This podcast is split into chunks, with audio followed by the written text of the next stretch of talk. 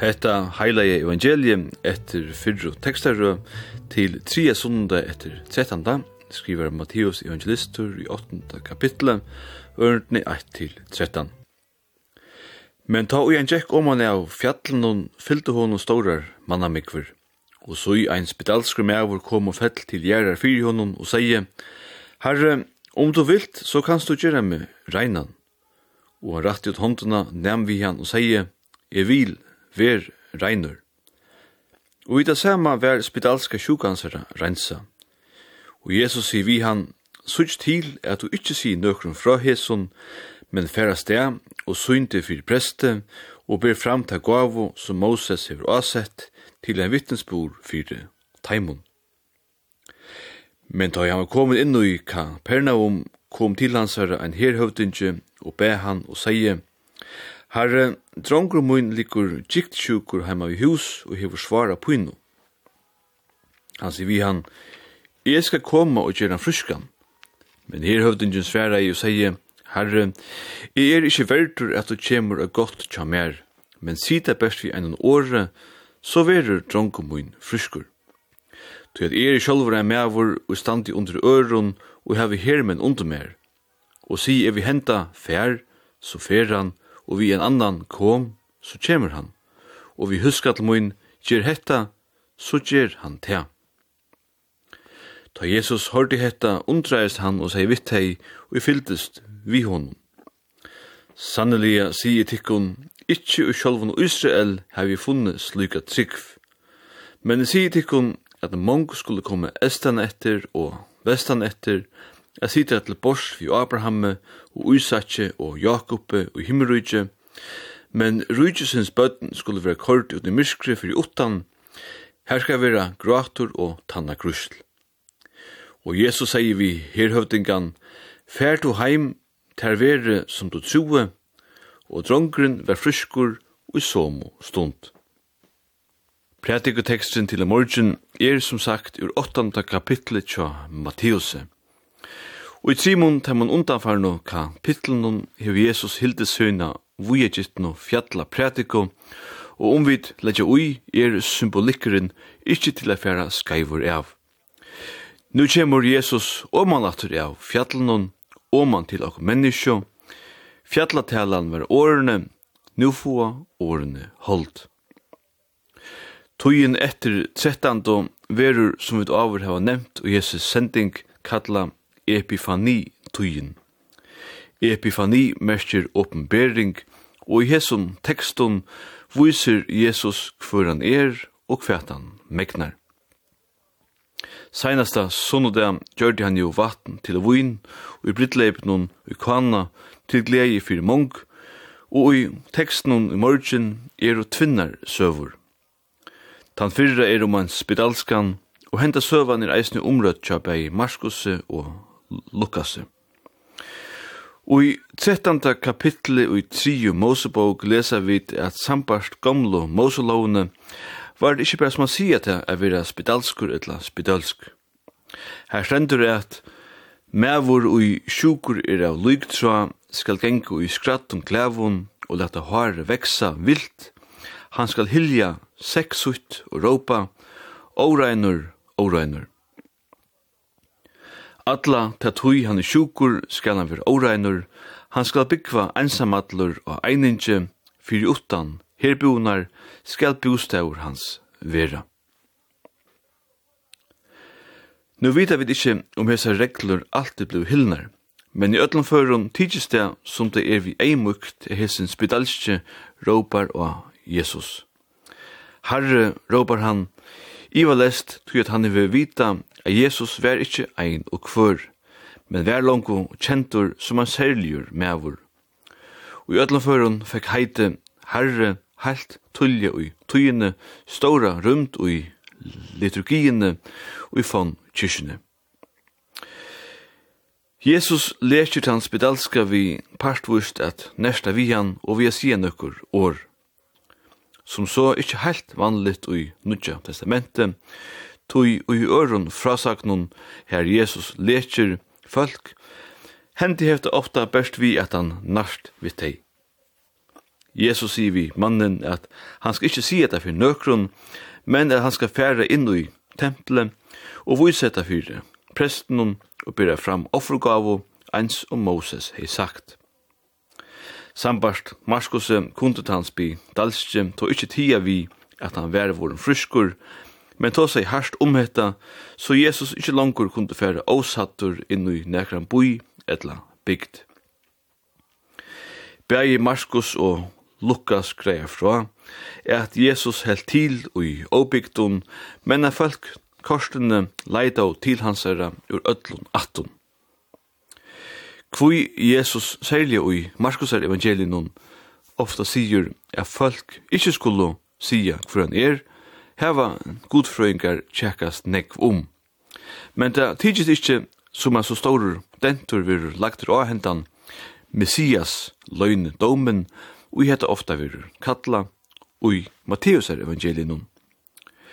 Det tidsis eistne som Jesus ikkje vil bråta Moselovna Håast han just hevur norste vi einsby dalskan, då han byr han hendan lekta færre inn i tempelet vi offre, eins og det er sagt ui Mose lovene. Tan setna frasøknen er om herhøvdingan, som ber Jesus letja sonen ui ver giktsjukur og hei svara pynu. Ein frasøkn vil eisne finna tja Lukase og Johannese. Mæren hever neivan veri jöte, men hever helst veri offiserur ui hersettingavaldnum tja Herodes i Antipas, altså neivan ein vel luttur mevur mittlen, jötunar. Eins og hans by, dalske siran, herre vi Jesus, som beinavegin tidsist er vilja koma. Men herhøvdingen var sambart jötun, heitningur, og tog hei Jesus sambart jødiskun, sige, vi er mettur som åreiner, og man sein av godt til hesun manne. Kansk er det tog er mevren eimjuk og sigur, er at han ikkje er verdur at Jesus kjemur og godt tja ser, men bæra byr om at eit år vir sagt, så sonren kan gjerast fryskur. Frasøknen om sonen tja her høvdinganon og søvan om ta kanna niesko, konana som er omrødt i 15. kapitlet tja Mattiuse, er det einaste dømi i Nudja Testamenti om, så kalla ja fjær leching etla til at Jesus lecher folk og er støtt erastane enn han sjolvor. Tui Jesus umtrast at trunna til hesson, mannen og sonen verur fryskur. Det som den spedalske mævren og den romverske herhøvdingen heva til felags, er til treida lesa alite der heva og Jesus. Om um, to vilt sier han spedalske vi Jesus. Det er at om det er nøkker ovissa som plåar han, så er det ikkje ovissan om at Jesus kan, men om han vil. Ovissan til her høvdinganon er heller ikkje om Jesus kan, men om han vil. Vi vita fra øron tekstum at det var en heijur å få Jesus og han. Godt, Men ein så var han heijur helt ein herhøvdinje tja ein fremmandun hersetting av valde, se neivan heva oppebore. Bayer våro out seidarar, tan spedalsje, asuna valia og herhøvdingen på littest. Ein spedalskur hei ikkje rætt til a vera mittel andre folk, og vær tui nastan deia dømtur, i ödleførun sosialt. Herhøvdingen veit er at år heva makt, og han er vane vi at folk lyje hans herra herra bo. Spurningen er til bæra om Jesus vil, ikkje om han kan. Det er altså fyrst han spedalsje ufa hjelp, tan sjutje og, og utstøtte. Sujan er det han fremmande, fudgjenten, omboje fyrir hersettingavalde, som gjer fölkje ofralst og dujgjer til undru i skatte.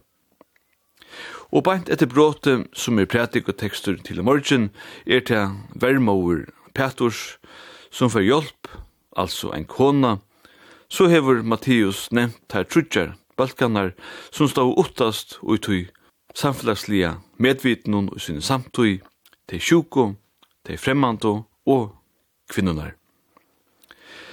Blia vid ui biblene er det så nekva stedani at det stendur at viljen er til stier. Ikki er gott at menneskjan er einsamøll, er vil gjere henni eina medhjálp, komi hier til muin, öll tid som gengur under tungum byrun, og er vil veida tikkun kvilo, og så fram veis. Det er tryggvinne på at Jesus vil, og i hesser avseidarar ur kvørsynne samfellastatt heva til felags.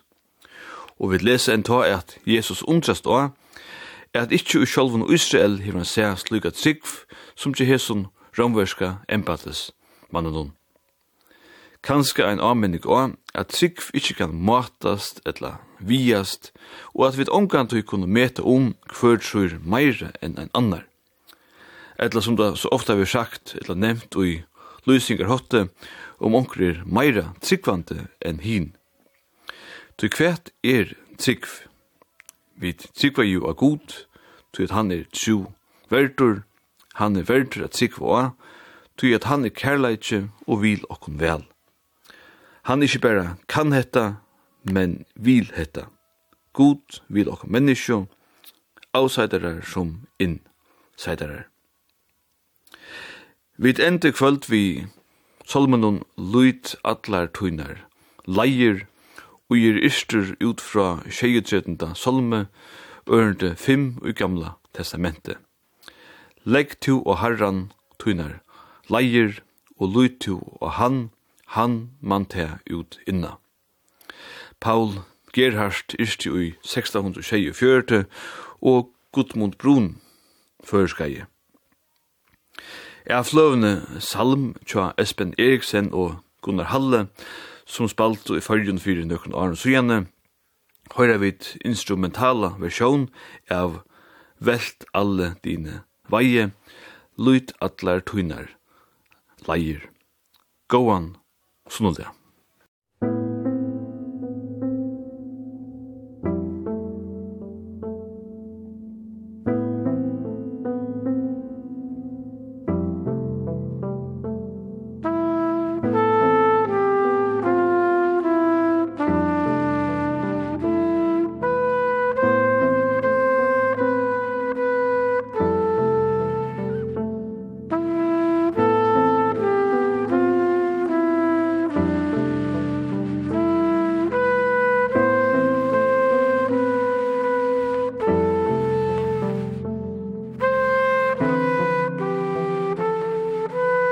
Musik